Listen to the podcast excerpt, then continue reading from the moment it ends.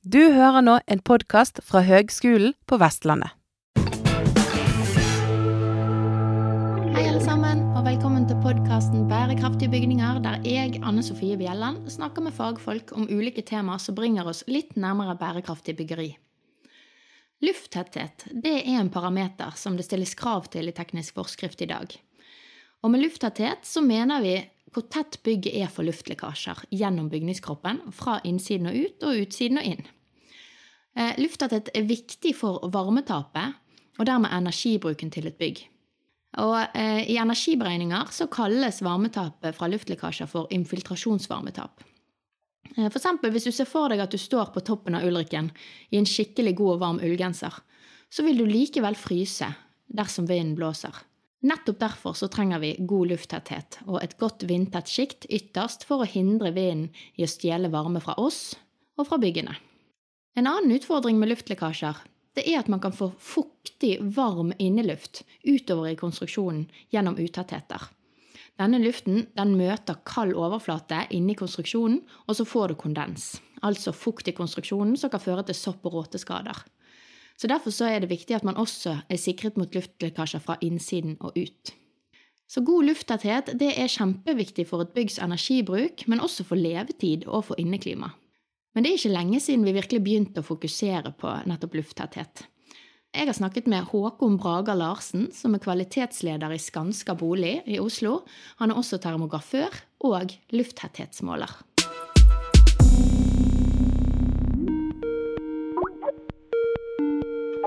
Sann, Håkon. Hei. Tusen takk for at du vil ta deg tid til å prate litt med meg. Jo, bare hyggelig. Så koselig at uh, du har lyst. Ja. Kanskje du forteller litt om bakgrunnen din og den rollen du har der du jobber nå? Jo, jeg um, jobber i Skanska Norge, et stort entreprenørselskap. Uh, hvor jeg for tiden er kvalitetsleder i Oslo Bolig. Eh, men samtidig så er jeg også termografør og trykktester, og det har jeg på en måte vært siden dag én i eh, Skanska. Og da, eh, der begynte jeg i 2007. Mm. Så det har jeg drevet med parallelt med de forskjellige rollene jeg har hatt. men bortsett fra det så har jeg vært innom ettermarkedsavdelingen. Det var jo der jeg egentlig startet i Skanska. Der vi driver med klagesaker og garanti. Og det var jo da dette kom opp, dette med tetthet, for første gang eh, egentlig. Sånn den problematikken, i hvert fall. Ja. Eh, som vi hadde på det tidspunktet.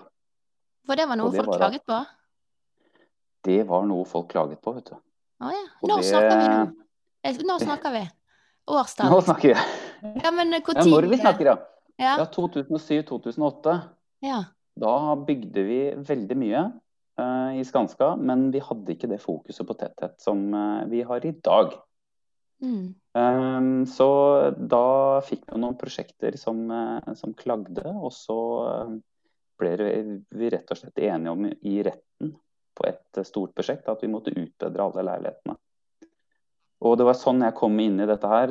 Da så jeg fort at dette utstyret er vi nødt til å ha. Jeg er nødt til å ha kompetansen for å klare å, å være med å styre disse utbedringene. Så det var jo en fantastisk lærdom. Mm. Å få mm. lov til å bruke termografikamera til å finne eh, lekkasjene eh, samtidig som jeg trykktestet og fikk et lekkasjetall. Og så åpnet vi opp veggene, fant lekkasjene og, og utbedret. Og så så vi til enhver tid eh, hva de forskjellige utethetene utgjorde. da. Og så måtte vi dokumentere til slutt med et ferdig resultat, uh, innenfor selvfølgelig kravet, og så dokumentere med termografi. Ja. Så det var veldig, veldig lærerikt. Um, uh, selv om det er, det er kostbart og, og, selvfølgelig negativt for både kunde og for oss i Skanska. Mm. Spesielt for kunden å måtte kanskje forlate leiligheten sin um, i to-tre uker på hotell. For at vi ja. skal gjøre omfattende arbeid. Ja, for det er jo ganske omfattende. Altså, hvor fant dere de største lekkasjene? Hvor var det det ble gjort størst feil, på en måte, med tanke på tetthet? Ja, hvor var det vi ikke fant? Uh, ja, på det prosjektet så var, de, var, vi, var, vi, ikke gode. for å si det rett ut. Uh, nei, det var alle overganger. Stort sett alt av overganger og gjennomføringer det var ikke håndtert på en ordentlig måte. Og så hadde vi to vindtette sjikt. Vi hadde både GU, altså gipsplater utvendig, og så hadde vi tyvekke duk over. Og det det kunne se ut som, var at uh, de som Det var jo forskjellige lag, og de, det laget som da monterte platesjiktet, de var ikke så nøye, for de tenkte at her blir det rulla ut en vindtett etterpå. Og så mm. kom de som rullet ut vindtetten. De tenkte at her er det jo GU. Vi trenger jo ikke å være så nøye på dette laget. Ja. Og så fikk vi to elendige lag med vindtett. Ja. Så det var nok kanskje største årsaken, samtidig så vi hadde ikke det fokuset på tetthet som vi har i dag. Nei, for det der, altså ca. 2007-2008, det var begynnelsen på at man virkelig eh, startet å fokusere på dette også i utførelse og prosjektering, da? Ja, det, det, det, er definitivt. Samtidig så merket vi også at sameiene Det var ikke bare bransjen som eh, begynte å få krav, eller altså begynte å, begynte å, snakke om dette og få fokus på det. Det var jo også sameiene rundt omkring som skjønte at å, tetthet, ja. ja. Det er kanskje noe vi må sjekke. Og så fikk de kanskje en ekstern aktør til å komme og gjøre en test, og så fant de jo da, i hvert fall på dette prosjektet, eh, mye avvik. Og så måtte vi jo inn og, og utbedre. Mm. Men siden den gang, det er jo over ti år siden, siden den gang, hva har skjedd siden? Hvis du skal gi en sånn rask uh, historiefortelling frem til i dag? Masse. uh, vi har vi har jo fått et nytt produkt som har gjort våre bygg ekstremt tette, og det er jo teip. Vi har uh, virkelig kasta oss på teipbølgen. Og det gjorde vi tidlig. Eh, og da fra å ligge og vake et godt stykke over kravet på 1,5, som, eh, som, har vært uh, lenge, så datt vi til 0,6 uh, bare ved å bruke teip. Og da teipet vi alle skjøtere overganger og gjennomføringer. Mm. Jeg har jo inntrykk av at det liksom bransjen i sin helhet har omfavnet teipen, teipen i skjøter. og ja. Absolutt. Jeg tror jeg nesten ikke jeg ser et bygg uten teip i dag. Så, så, det har gjort uh, Det har vært en suksesshistorie. Og så får vi bare håpe at den teipen holder så lenge som vi ønsker at den skal holde, da. Jeg skulle akkurat å spørre, for hvis ikke jeg husker feil, så er jo disse tette produktene de har gjerne levetid på sånn 25 år og sånn i sine eh, datablader. Ja. Eh, vi bruker jo kun ett uh, merke, i hvert fall det jeg sier at vi skal bruke og det er Siga. Eh, de, er, eh, de har et eh, bredt spekter av produkter, og så tester de det mot veldig mye forskjellig materiale. Så det er Vi bruker jo bare en liten brøkdel av det, og det er jo til vindtetten, og så er det til dampsperra.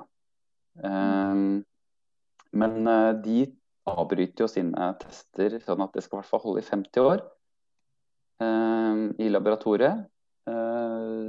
Men de sier jo det at ingen av våre produkter har et datostempel for når eh, produktet eh, ikke kan brukes. Så det vil jo si at du kan jo la den rullen med teip ligge i 20-30 år, og så kan du like ærlig bruke den. Det er det de sier. Og det er jo hårete.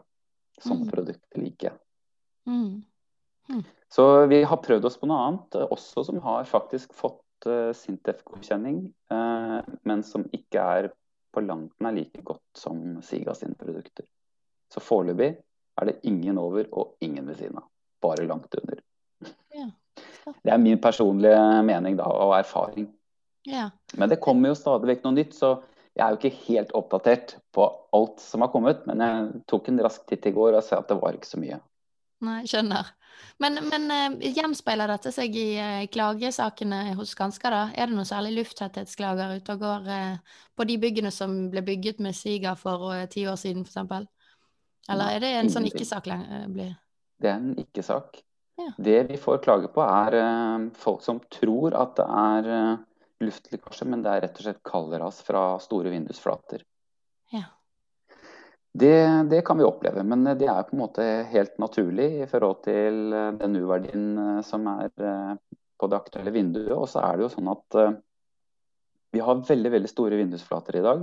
arkitekten tegner jo inn så store vinduer som man bare kan. Og så ønsker jo folk å sitte omtrent i vinduet også. Og mm. da blir det faktisk litt kaldt på føttene. Mm. Så det, det er vel kanskje Ja. Nei, det er kanskje den klagen vi får, da. Det er ja. på kaldderass, ikke på utetetter. Okay. Det er mange år siden. Ja. Men, eh, men nå ble jeg jo litt nysgjerrig. Altså, er det andre ting som dere nå jobber med, som er på en måte det, det mest eh, fremtredende innenfor klager? Som ikke er eh, Ja, det kan jo være dører og vinduer, altså at det ikke går ordentlig. Det er tekniske installasjoner som ventilasjon eller varme.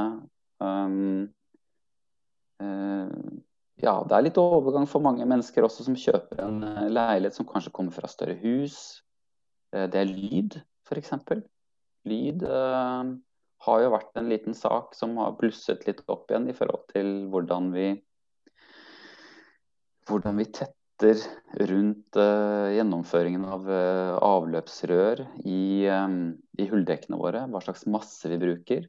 Uh, bruker vi en hard masse og stålrør, så vet vi nå at da får vi strukturlyd.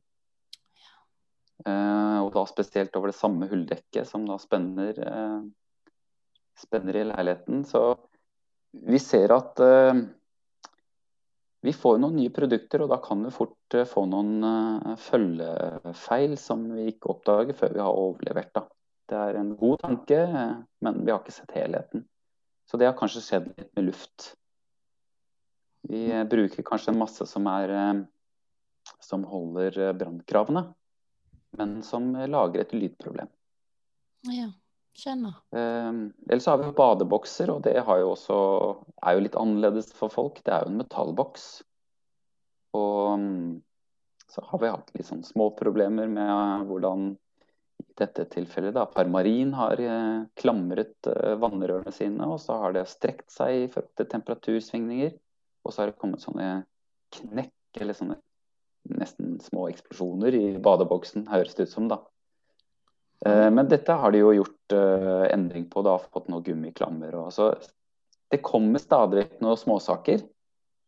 Uh, men som for beboere er store saker, og de tenker at det er noe voldsomt galt. Så det må vi ta på alvor. Ja ja, det er jo sånn man kan bli bedre. Men, mm. men hvis vi skal gå litt tilbake igjen til dette med lufttetthet, for du er jo ute og trykktester, gjerne underveis i byggefasen. Mm. Um, men uh, si du finner en utetthet osv. i noen detaljer. Og så hvordan er prosessen? Ja. Uh, jeg må bare kommentere først det med at jeg er underveis i prosessen. vi gjør ikke det like mye i dag. Okay. For og det er fordi at vi teiper Vi gjør dette her på samme måte i bolig og i næring. Vi teiper alle skjøter og overganger på GU-platen f.eks. Og gjennomføringer. Sånn at uh, det jeg egentlig er ute og sjekker, det er jo uh, utførelsen. Det er der jeg ser nå på om vi ligger an til å kunne klare passivhus eller 03 for den saks skyld. Um, så er det ut og befare ut og kontrollere at gutta ute har, eh, har påført teipen på en god nok måte. Så det du sier er at nå går du egentlig ut og visuelt bare eh, ser underveis, og så trykktester du til slutt? Mm, ja. Ofte. Mm. Eh, det, med noen unntak. Det er jo f.eks. Powerhouse, som vi har bygget eh, noen av. Hvor det er veldig ekstremt lekkasje, sånn ned mot 0,3 og gjerne bedre. Um, der gjør vi en test i tidlig fase. Mm. Um, hvor vi deler av en del av bygningen, og så prøver vi å isolere den godt nok, og så ser vi. Bruk mm. gjerne da termografikamera i tillegg, da, for å verifisere. Ja, Og det er gjerne når du har fått tett bygg med vindtetten på, men ikke, ikke isolasjon og dampsperre, eller? Ja, f.eks. Mm. Eh, og vinduene på plass, da. Ja. Mm. Men um, finner vi noen ting, så må vi jo se litt på omfanget, om dette er um, tilfeldig. Um, om det er bare lokalt akkurat der vi ser, eller om det er en, en, en, systemfeil. Og det er klart, det har vi jo har vi oppdaget i forhold til ja, Hvis vi skal gå på Powerhouse, da, så er jo da, da må vi jo kanskje se litt på um, f.eks. alle gjennomføringer til solavskjerming. De må jo da fuges i selve føringsrøret. Eh, når det er uteklemt, så kan det ha en stor innvirkning på, på et bygg som har et så lavt lekkasjetall. Mm. Så, så, det endrer seg jo litt i forhold til hva slags lekkasjetall man eh, skal oppnå. Hvor, eh, hvor, hvor nøye man skal gå i detaljene. Mm. Men sånn i forhold til detaljer, så er det jo det er litt forskjellig fra næring til bolig. Um, næring har jo, eller Bolig har jo veldig mye terrasser eller så balkonger med balkonginnfestinger. Det kan være skråstag, så det blir kanskje fire, minimum fire punkter per balkong. Og mange prosjekt så monterer vi balkongen samtidig med prefab, altså med stål- og hulldekke. Og da skal vi bygge klimaveggen etterpå. Da kan det være enkelte steder hvor det er litt vanskelig å komme til. Eh, og få tetta med teip rundt uh, balkongfestene. Mm. Så, så, det kan være en liten nøtt uh, å få til på, på bolig. Mens næring har jo da Hvis vi snakker om lekkasjepunkter, da, så har jo næring de har jo store porter. De har rondeller. Og en rondell det harmonerer ikke med et powerhouse med 0,3 i lekkasjetall, men det er kanskje noe vi må Eller det er ikke bare kanskje engang. Det er noe vi er nødt til å bli bedre og stille krav til disse leverandørene av porter og f.eks. rondeller. Mm. Og en annen ting som er vanskelig også å stille krav til pga. den mekanismen som man har på, på dører i næringsbygg f.eks. Med, med, med, med automatikk, det er jo at de vil jo gjerne at den døra skal gå ganske lett og smidig. Mens jeg vil jo gjerne at den skal gå tight. Ja. og det harmonerer dårlig med, med, med lufttettheten. Mange dører i næringsbygg, uh, og det er aluminiumsdører og ståldører, og de går veldig uh, De endrer seg veldig med temperatur. Så den ene dagen kan den døra være tett og fin, og så kommer sola, og så vrir den seg litt, og så er den forferdelig utett. Ja, så det er et sted å jobbe litt med tettheten, altså. Absolutt. Mm. Og rondell. Ja. Så er det noen som tenner på det, så jobb med rondell. Ja, veldig bra. Ja, nå når du er inne på det, så lurte jeg på om du, om du litt sånn på tampen eh, har noen gode råd til studentene som skal ut og bidra i morgendagens eh, byggebransje? Ja. Din erfaring. Eh, det viktigste, hvis jeg ser på prosjektingeniørene våre på, i, i, Skanska, så, um, så, blir det jo litt sånn potet i starten. De får jo være med på veldig mye. Eh, men det aller viktigste for en prosjektingeniør, hvis vi snakker om eh, de som kommer ut og er, eh, kommer rett fra skolebenken, så er det å være ute på byggeplassen hvis de er på et prosjekt. Mm. Altså Det er så viktig. Jeg kan ikke få sagt hvor viktig det er. Um, for det er der det skjer. Å sitte inne og se på en tegning og en plan, det er én ting. Det er veldig, veldig viktig. Men du må gå ut, og så må du avstemme om planen eh, er reell, om eh, vi er på plan. Og så lærer man utrolig mye å gå ut og se hvordan det faktisk blir bygget. Ja. Det kan jeg skrive under på. ja, så bra. Nei, så det er det viktigste. Og så må man, være, man må være, ha litt skepsis. Uh, selv om man selv om vi som f.eks. Skanska hovedentreprenør i mange prosjekter samarbeider med mange spesialister, så er vi nødt til å være litt skeptiske. Vi kan ikke være omtrentlige. Fordi at det skjer avvik. Um, og, og, vi må på en måte være med å hjelpe og styrke våre samarbeidspartnere uh, ved å på en måte spørre de rette spørsmålene. Det er ikke noe det er ikke noe annerledes enn, eller det er ikke noe vanskeligere enn å gjøre det. Bare være litt nysgjerrig og litt skeptisk. Og ut på byggeplass. Det er en herlig kombo. Nysgjerrig og skeptisk, folkens. Noter det ned. Veldig bra. Tusen takk, Håkon. Bare hyggelig.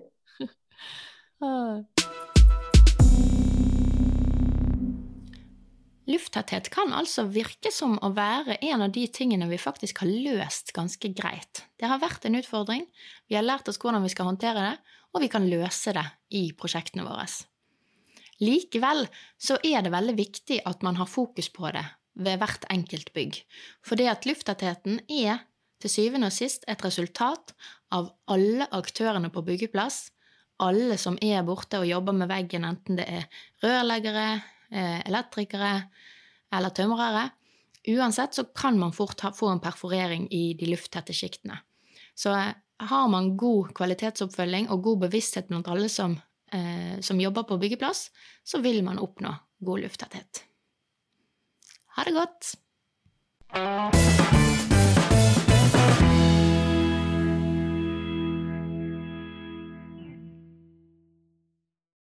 Du har nå hørt en podkast fra Høgskolen på Vestlandet. For å høre flere podkaster, besøk hvl.no slash podkast.